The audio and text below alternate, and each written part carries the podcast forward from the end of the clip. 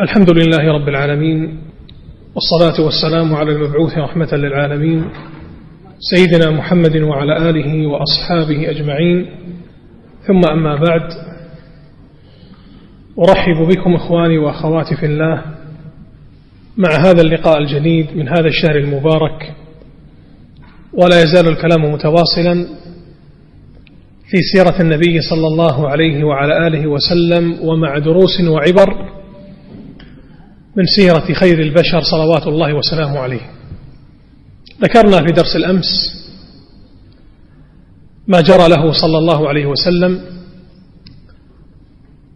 من وفاة أبي طالب ثم بعد ذلك بشهرين وفاة خديجة رضي الله تعالى عنها ثم بعد ذلك بشهر توفيت خديجة في رمضان من السنة العاشرة من النبوة ثم بعد ذلك بشهر في شوال من نفس السنة تزوج النبي صلى الله عليه وسلم بأم المؤمنين سودة بن زمعة. ثم بعد عام في شوال من السنة الحادية عشرة من النبوة تزوج النبي صلى الله عليه وسلم من أم المؤمنين الصديقة بنت الصديق رضي الله تعالى عنها عائشة. تزوج بها ولها من العمر ست سنوات عقد عليها ودخل بها في السنة الأولى بعد الهجرة وكان عمرها تسع سنوات رضي الله تعالى عنها وأرضاها. نكمل ما جرى له صلى الله عليه وسلم بعد ذلك وقد ذكرنا في درس الأمس أيها الإخوة أن المشركين اشتدت وطأتهم وزادوا في تنكيلهم وتعذيبهم للنبي صلى الله عليه وسلم ولأصحابه بل أصبح الإيذاء مباشرا وكشرت قريش عن أنيابها بعد وفاة عمه أبي طالب لأنه هو الذي كان يحوطه.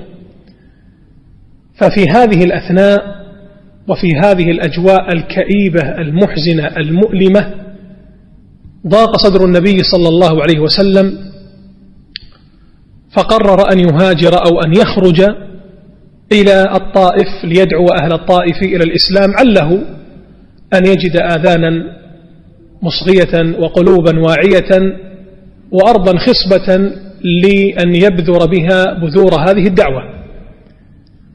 فخرج صلى الله عليه وسلم ومعه مولاه زيد بن حارثة رضي الله تعالى عنه فأتى الطائف ومكث في الطائف عشرة أيام وهو يتنقل من شخص إلى آخر ومن رئيس إلى آخر ومن شريف من شرفائهم إلى آخر يعرض عليه دعوته. فما كان يجد صلى الله عليه وسلم إلا الصدود والاستهزاء وأطيبهم وأحسنهم ردا كبني عبد يا ليل هؤلاء الذين سكتوا. لم يجيبوه ولم يردوه. هذه أو هذا أحسن المواقف. أما غيرهم غير بني عبد يالين من أهل الطائف من شدد عليه في رده وأغلظه وسفه عليه صلى الله عليه وسلم. فبعد مضي عشرة أيام من هذه المعاناة وجميعهم صدوه ولم يقبلوا دعوته أراد أن يخرج من الطائف. في لحظات خروجه من الطائف أغرى سادات الطائف وأشرافهم أغروا سفهاءهم وصبيانهم وعبيدهم بأن يضربوا النبي صلى الله عليه وسلم. فوقفوا صفين في طريق خروجه وأخذوا يرمونه بالحجارة صلوات الله وسلامه عليه. وزيد بن حارثة يحاول أن يدافع بجسده يحاول أن يحمي النبي صلى الله عليه وسلم قدر استطاعته ولكن الضرب كان شديدا. حتى أصابوا عقبيه وقدميه الشريفتين صلى الله عليه وسلم فنزل الدم منهما. واخضلت قدماه آه، واخضلت نعلاه ابتلتا نعلاه بدمائه صلوات الله وسلامه عليه. فخرج وهو مكلوم حزين مهموم مغموم صلوات الله وسلامه عليه. وما شعر بنفسه إلا وهو في حائط أي في بستان من بساتين الطائف لرجلين من أهل الطائف. عتبة وشيبة ابني ربيعة. كان هذا اليوم هو من أشد الأيام التي مرت على النبي صلى الله عليه وسلم.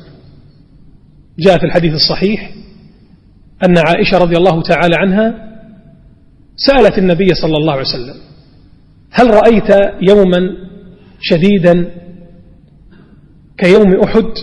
سيأتينا يوم أحد كان يوما شديدا كاد أن يقتل صلى الله عليه وسلم. فقال لقيت من قومك ما لقيت وأشد ما لقيت عند العقبة.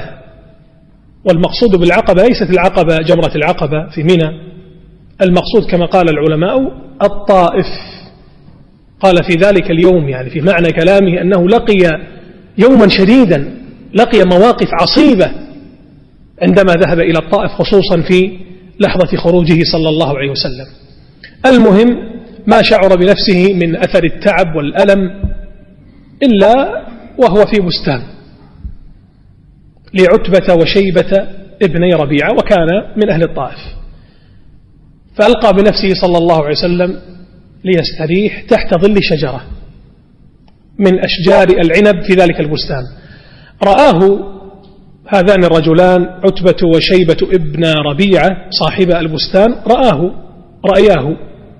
فرقى لحاله أشفق لحاله وهو يعاني هذه المعاناة والدماء تسيل منه بأبي هو وأمي عليه الصلاة والسلام.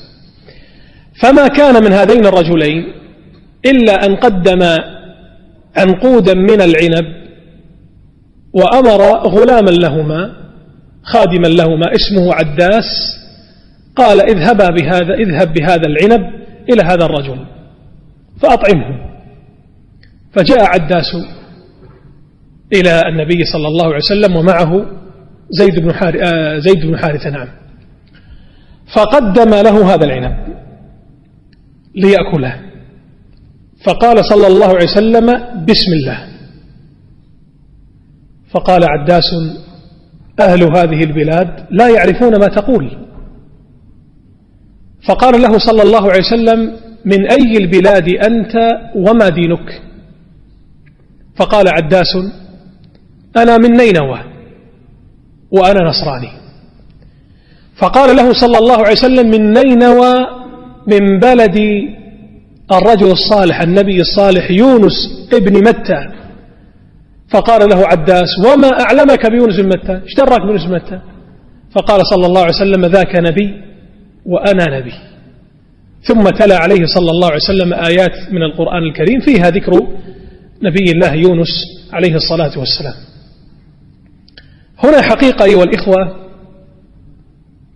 فائدتان عندما نقول دروس وعبر من هذه السيرة. من هذه الفوائد من هذا الموقف أولا أن فيه يعلمنا صلى الله عليه وسلم أدبا من أداب الطعام أن يسمي الإنسان على أكله. كما قال عليه الصلاة والسلام لعمر بن سلمة كان صبيا صغيرا أتى إلى الطعام فطاشت يده كما يفعل بعض الأطفال. يأتي للطعام فتطيش يده. بعض أولياء الأمور للأسف يعنف ولده أو يكون مثلا في مجلس عام فيستحي فيبدأ يعنف ولده بل بعضهم يصل به الحد إلى الضرب وهذا لا شك أنه خطأ فادح قاتل له آثار سلبية نفسية على الولد مدمرة. ربما ينعكس عليه هذا الموقف طيلة حياته. فلا يستطيع أن يجالس الرجال ولا يستطيع أن يصافح الرجال ولا يستطيع أن يجالسهم أو أن يأتيهم. كل ذلك بسبب ذلك الموقف. وش يصير يعني؟ قلبت الدنيا؟ إذا كت جلاس ولا أخذ من صحن قدامه إيش يصير يعني؟ إيش صار؟ كلنا كنا كذلك. فينبغي أن يأخذ الإنسان على يديه يربيه يعلمه. وحتى الضيوف لا يح... بعض الناس للأسف يتعمد إحراج الناس. وكأن أولاده معصومين.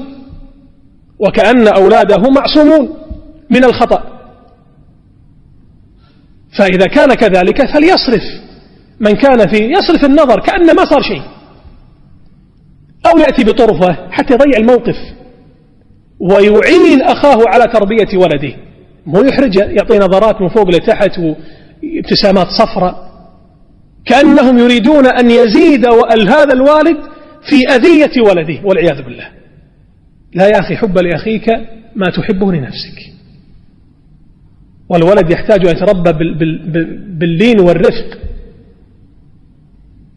فقال له صلى الله عليه وسلم لعمرو بن سلمة عندما طاشت يده في الصحفة قال يا غلام شوف ما قال كف ولا عقال ولا رفسها ولا ولا تفل ولا بصق بوجهه كما يفعل بعض الناس. هذا أول يحتاج إلى تربية. فقال له يا غلام سم الله. وكل بيمينك وكل مما يليك. لا أظن أن عمرو بن سلمة سينساها. مثل هذه المواقف لا تنسى. تحفر في الذاكرة. وكم من أناس أيها الإخوة أقبلوا على الدين والطاعة والخير بسبب موقف تربوي وجدوه من المربي من إمام المسجد أو مؤذن المسجد أو من الوالد أو من المعلم من التشجيع والابتسامة والمداعبة حتى يحب هذا الأمر هذا الخير.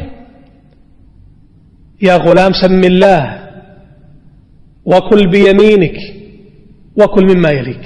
لا تطيش دينك كل مما يليك. ولذلك العلماء ذكروا أدبا من آداب الطعام. قالوا الأصل أن توضع أن يوضع الطعام في إناء واحد ليأكل الجميع منه لأنه أكثر بركة. لكن لو فرض أن الواقع كما هو مشاهد في كثير من الأسر ما يحطون يعني طبق واحد أطباق متعددة وفي كل طبق يلا من فضلك في يعني شيء من الطعام ما في بأس. فمثل هذه الحال ربما يكون الطعام قريبا منه لا يشتهيه. يشتهي الآخر ما في بأس إذا كان الطعام متعددا فطاشت يده ليتناول. لا إشكال في ذلك. وكل بيمينك. ذلك الرجل الذي أكل بشماله فقال له النبي صلى الله عليه وسلم كل بيمينك. فقال ما أستطيع. من الكبر. أو بعض الناس يقول لك أتيكيت؟ لا تفشلنا. شلون أتيكيت؟ ليذهب الأتيكيت إلى الجحيم. أخالف سيرة هدي النبي صلى الله عليه وسلم وأقع في إغضاب ربي وأتشبه بالشيطان علشان الأتيكيت؟ كل بيمينك. يقول لا الأتيكيت العالمي الشوكة بالشمال والسكين باليمين. يقول لا يا حبيبي الأتيكيت الإسلامي الشوكة باليمين والملعقة باليمين والسكين باليسار.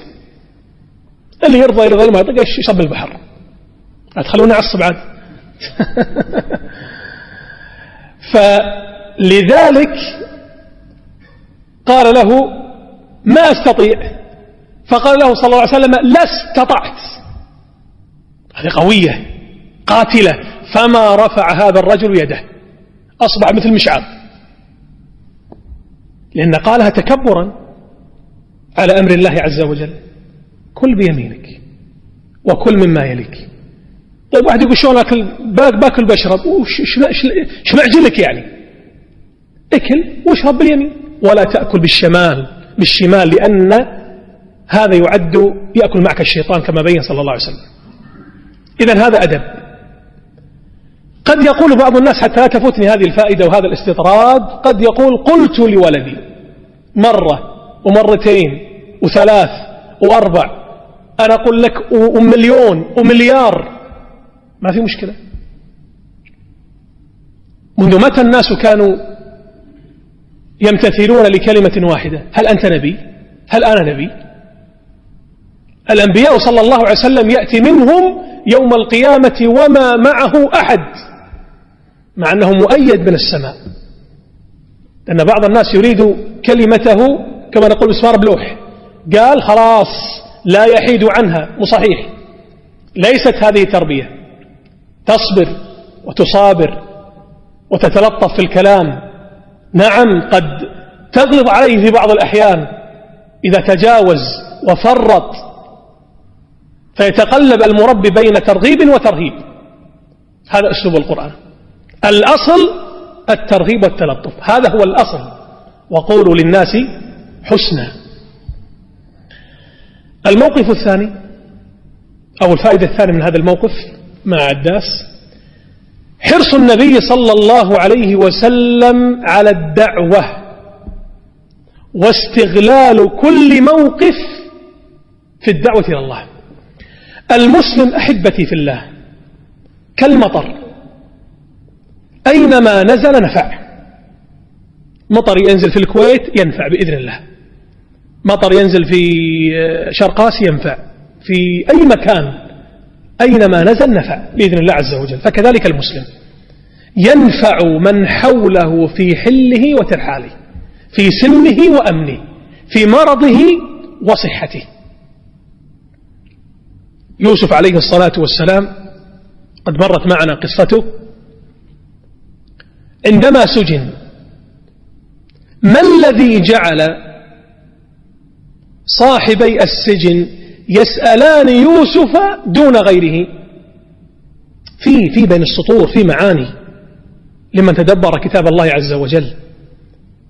لأنهما قال له إنا نراك من المحسنين. إذا لولا أن يوسف عليه السلام كان متمثلا بالأخلاق الفاضلة والسمت الحسن والعبادة لله تبارك وتعالى لما توسم فيه هذان الرجلان فسألاه أن يفسر لهما هذه الرؤيا. بل إن يوسف عليه الصلاة والسلام بادر وهو في السجن إلى الدعوة إلى الله عز وجل وإلى التوحيد. يا صاحبي السجن أرباب متفرقون خير أم الله الواحد القهار؟ وهنا النبي صلى الله عليه وسلم على ما فيه من الآلام والجروح والهموم والغموم الآن قبل لحظات يرمى بالحجارة ويدمى وتدمى قدمه وعقبه الشريف صلى الله عليه وسلم يبادر في الدعوة إلى الله. وجد فرصة بادر في الدعوة إلى الله. من أي البلاد أنت؟ ما هو دينك؟ تلا عليه كتاب الله عز وجل بل يذكر بعض أهل العلم في قصة عداس أنه أسلم. والعلم عند الله عز وجل.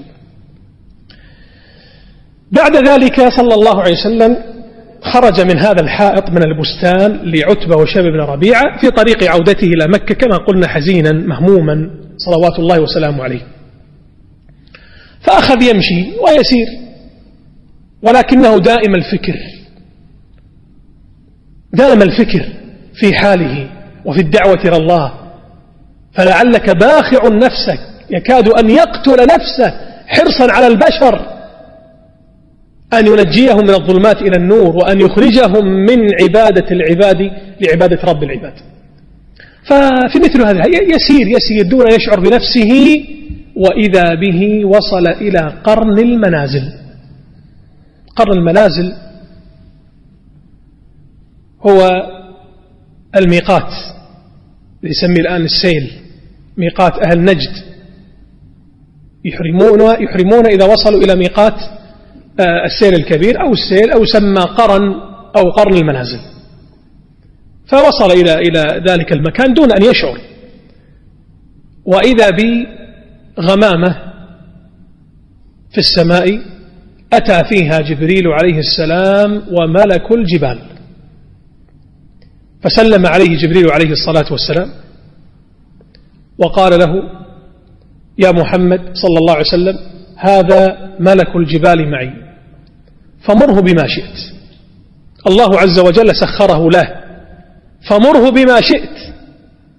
فقال ملك الجبال إن شئت أن أطبق عليهم الأخشبين فعلت. والأخشبان جبلان بمكة لأن مكة وادي بين الجبال. الأخشبان جبلان بمكة. جبل أبي جبل أبي قبيس والذي يقابله. يعني يطحنهم أهل مكة. ربما لو كان النبي صلى الله عليه وسلم وحاشاه وهذا درس عظيم أيضا وفائدة جليلة من السيرة لو كان يدعو لنفسه أو لأمور شخصية لملك أو, ل أو يريد أن ينتصر لنفسه لقال لملك الجبال نعم اطحنهم اسحقهم اقلب الأرض من تحت أقدامهم. لانتصر لنفسه صلى الله عليه وسلم ولكنه الرحمة المهداة والنعمة المسداة. وما أرسلناك إلا رحمة للعالمين. صلى الله عليه وسلم. كان أشد الناس حرصا على حقن الدماء ويأتينا هذا كثيرا في سيرته. وليس الأمر كما يصوره الآن الكفرة الملاحدة المجرمون أنه إرهابي أو سفاك للدماء؟ لا. هذا قيل قديما كل يرى الناس بعين طبعه. لأنهم مجرمون سفاكون سفاحون يغتصبون الحرمات يدنسون المقدسات لا يرقبون في مؤمن إلا ولا ذمة وتاريخهم القديم والحديث شاهد على ذلك فيظنون أن جميع الناس أمثالهم. ولكنه صلى الله عليه وسلم سما وارتقى بأخلاقه. فقد بلغ الكمال البشري في جميع ميادين الحياة. صلى الله عليه وسلم. إن شئت أن أطبق عليهم الأخشبين فعلت. فقال صلى الله عليه وسلم لا لعل الله أن يخرج من أصلابهم من يعبد الله ولا يشرك به شيئا. فأخرج الله من أصلابهم. من يعبد الله ولا يشرك به شيئا. أخرج من أبي جهل هذا الخبيث المخبث المجرم الطاغية. عمرو بن هشام أخرج عكرمة. ذلك القائد الفاتح الذي أبلى بلاء حسنا واستشهد في معركة اليرموك. قائد من قادات المسلمين. وأخرج من العاص بن وائل عمرو بن العاص القائد العظيم. وحفيده عبد الله بن عمرو بن العاص العابد الزاهد وأخرج من الوليد بن المغيرة هذا السيد المطاع كثير المال والبلد والولد أخرج من من صلبه أبا سليمان. من مثل أبي سليمان؟ خالد بن الوليد رضي الله تعالى عنه وأرضاه. وهلم جرا إذا أخرج الله من أصلابهم من يعبد الله ولا يشرك به شيئا. ذهب جبريل وسار النبي صلى الله عليه وسلم. وقبل أن أكمل هناك كما تعلمون دعاء مشهور يذكر في السير عند لحظة خروجه صلى الله عليه وسلم من الطائف أنه قال دعاء اللهم أشكو إليك ضعف قوتي وقلة حيلتي وهواني على الناس يا أرحم الراحمين. دعاء جميل كلمات رائعة ولكنه ضعيف. ضعيف. حتى قصة عداس أيضا ضعيفة. لأن أسانيد قصة عداس وأسانيد هذا الدعاء خرجتا من مصدر واحد إسناده مرسل والمرسل كما تعلمون يعرف من درس الحديث أو مصطلح الحديث. الحديث المرسل يعد من جملة الأحاديث الضعيفة. على كل حال أنا يعني تعمدت أن أضرب عنه صفحا لئلا نؤكد أنه يعني من الأدعية التي قالها صلى الله عليه وسلم إنما يروى نعم في السيرة ولكنه لا يثبت بسند صحيح. بعدما تجاوز قرن المنازل أو قرن الثعالب يسمى أيضا أيضا سار صلى الله عليه وسلم في طريقه إلى مكة ولا يزال فيه من الهم والحزن. أمر ما هو بسيط. ولولا أن الله تبارك وتعالى قد وعده بالظهور والنصر لأيس الإنسان. ولكن الله قد وعده ومن أصدق من الله قيلا وربنا لا يخلف الميعاد. سار صلى الله عليه وسلم ولم يشعر بنفسه إلا وقد وصل عند وادي نخلة. وادي من الأودية قريبا من مكة يسمى بوادي نخلة. مكث هناك أياما هو ومن معه زيد بن حارثة رضي الله تعالى عنه وأرضاه وربما انضم إليه بعض المسلمين. ففي هذه الأيام كان يصلي. الصلوات وقلنا إلى هذا الوقت كانت الصلاة المفروضة صلاتان صلاة في الغداة قبل الفجر ركعتان في الغداء وركعتان قبل الغروب. عندما كان يصلي وتحديدا في أحد الأيام في وادي نخلة يصلي صلاة الفجر وكان قبل ذلك الشياطين شياطين الجن عندما يتعاونون مع الكهنة والمشعوذين والسحرة من شياطين الإنس ويسترقون لهم السمع. واستراق السمع يتعامل شيطان الإنس يعني الساحر أو الكاهن يتعامل مع الجن. فالجن يصعد بعضهم فوق بعض. هكذا يصعد واحد فوق الثاني إلى أن يصلوا إلى السماء السماء الدنيا فيسترقون السمع. لأن الله تبارك وتعالى كما جاء في الحديث إذا أراد الله أن يوحي بالأمر تكلم وربنا يتكلم كلاما يليق بجلاله لا نشبهه بأحد من خلقه ليس كمثله شيء وهو السميع البصير وكلم الله موسى تكليما فإذا أراد الله عز وجل أن يوحي بالأمر تكلم سبحانه وتعالى ليسمعه جبريل إذا تكلم رب العزة والجلال أخذت أهل السماوات رعدة شديدة. فيصعق من في السماوات. ثم يكون أول من يفيق جبريل عليه الصلاة والسلام. الملك الموكل بالروح. أو الموكل العفو بالوحي. فيوحي الله تبارك وتعالى لجبريل ما أراد من وحيه. ثم ينزل جبريل ليذهب بهذا الوحي إلى أنبياء الله ورسله. إذا نزل جبريل تسأله ملائكة السماوات السبع ماذا قال ربنا يا جبريل؟ يقول الحق وهو العلي الكبير كما جاء في, سورة في آية سورة سبع. فيسمع أهل السماء ما أخبر الله به من الوحي ومن الأمور الغيبية والجن يصعد بعضهم فوق بعض ويسترقون السماء عند السماء الدنيا. طبعا هم صعدوا بعلم الله عز وجل ليس بغير علمه. بعلمه سبحانه وتعالى وإرادته ومشيئته وتدبيره لحكمة أرادها الله عز وجل. فيسترقون السمع فربما التقطوا الكلمة ويأتيهم الشهاب بعد ذلك الشهب. التي تكون كالراجمات لهذه السلاسل من الشياطين.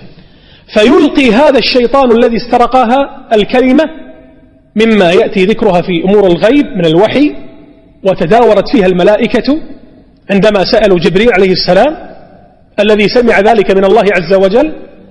فكل شيطان يلقي هذه الكلمة للذي أسفل منه وهكذا الأسفل والأسفل والأسفل إلى أن يلقيها الأخير إلى الشيطان الإنسي وهو الساحر الخبيث المخبث. فيأخذ هذه الكلمة التي سرقت من السماء. ثم يزيد عليها مئة كذبة. ويخبر الناس الذين تعلقت قلوبهم بهؤلاء الكفرة من السحرة والمشعوذين. فيصدقونه في هذه الكلمة التي استرقها من السماء التي ستقع في المستقبل ولا يكذبونه في تسعة وتسعين كذبة وذلك لأنهم تعلقت قلوبهم بتصديق هؤلاء الكفرة. عندما بعث صلى الله عليه وسلم وجدت الشياطين أن هذا الأمر خلاص امتنع. كلما أرادوا أن يصعدوا جاءتهم الشهب. تقذفهم. فحرست السماء فاستغرب الشياطين من الجن. قالوا أكيد قد وقع أمر معين في العالم. أكيد. هذا التغير لابد أن يكون لأمر. كيف تحرس السماء بهذه الطريقة؟ فقال بعضهم لبعض وقال زعماؤهم زعماء الجن لجنودهم قال سيحوا في الأرض وأتونا بهذا الخبر. ما بال السماء أنها حرست بهذه الطريقة. فساح هذا يعني من جملة من ساح من الجن قبيلة من القبائل وهم قبائل كحال الإنس تماما يعني. فمن جملة هذه القبائل في طريق سياحتهم في الأرض ليبحثوا عن السبب الذي من أجله حرست السماء جاءوا إلى وادي نخلة. فسمعوا القرآن. وإذ صرفنا إليك نفرا من الجن يستمعون القرآن فلما حضروه قالوا أنصتوا. فلما قضي ولوا إلى قومهم منذرين. قالوا يا قومنا إلى آخر الآيات كما في خواتيم سورة الأحقاف. وكذلك الله عز وجل أنزل طرفا من هذه الحادثة في وادي نخلة في سورة الجن كما تعلمون في بداية السورة. سمع الجن قراءة النبي صلى الله عليه وسلم في صلاة الفجر فأخذ القرآن بقلوبهم وكان ذلك سببا لهدايتهم فأسلمت هذه القبيلة من الجن ثم انصرفت والنبي صلى الله عليه وسلم لا لم يرهم وإنما الله عز وجل أخبره بأنه صرف إليه نفرا من الجن. ثم انصرفت هذه القبيلة إلى باقي القبائل من الجن فأخذوا يدعونهم كما ذكر الله عز وجل في سورة في آيات سورة الأحقاف. أيضا هذا حقيقة درس وفائدة وعبرة من دروس السيرة أن الجن بادروا إلى الدعوة إلى الله عز وجل. بينما ترى بعض الإنس ولا حول ولا قوة إلا بالله ممن من الله عليهم بالعلم والقدرة أو المال جاهدوا بأموالكم وأنفسكم. جميع الآيات في القرآن الكريم التي ذكرت الجهاد بالمال والنفس قدم الله عز وجل الجهاد بالمال قبل الجهاد في النفس إلا في موضع واحد من سورة براءة. ما تستطيع أن تجاهد بلسانك ولا أن تجاهد بيدك الجهاد القتال في سبيل الله نظرا لتخلف شروطه آه، فلا أقل من أن تجاهد بمالك. أن تنفق في سبيل الله تبارك وتعالى.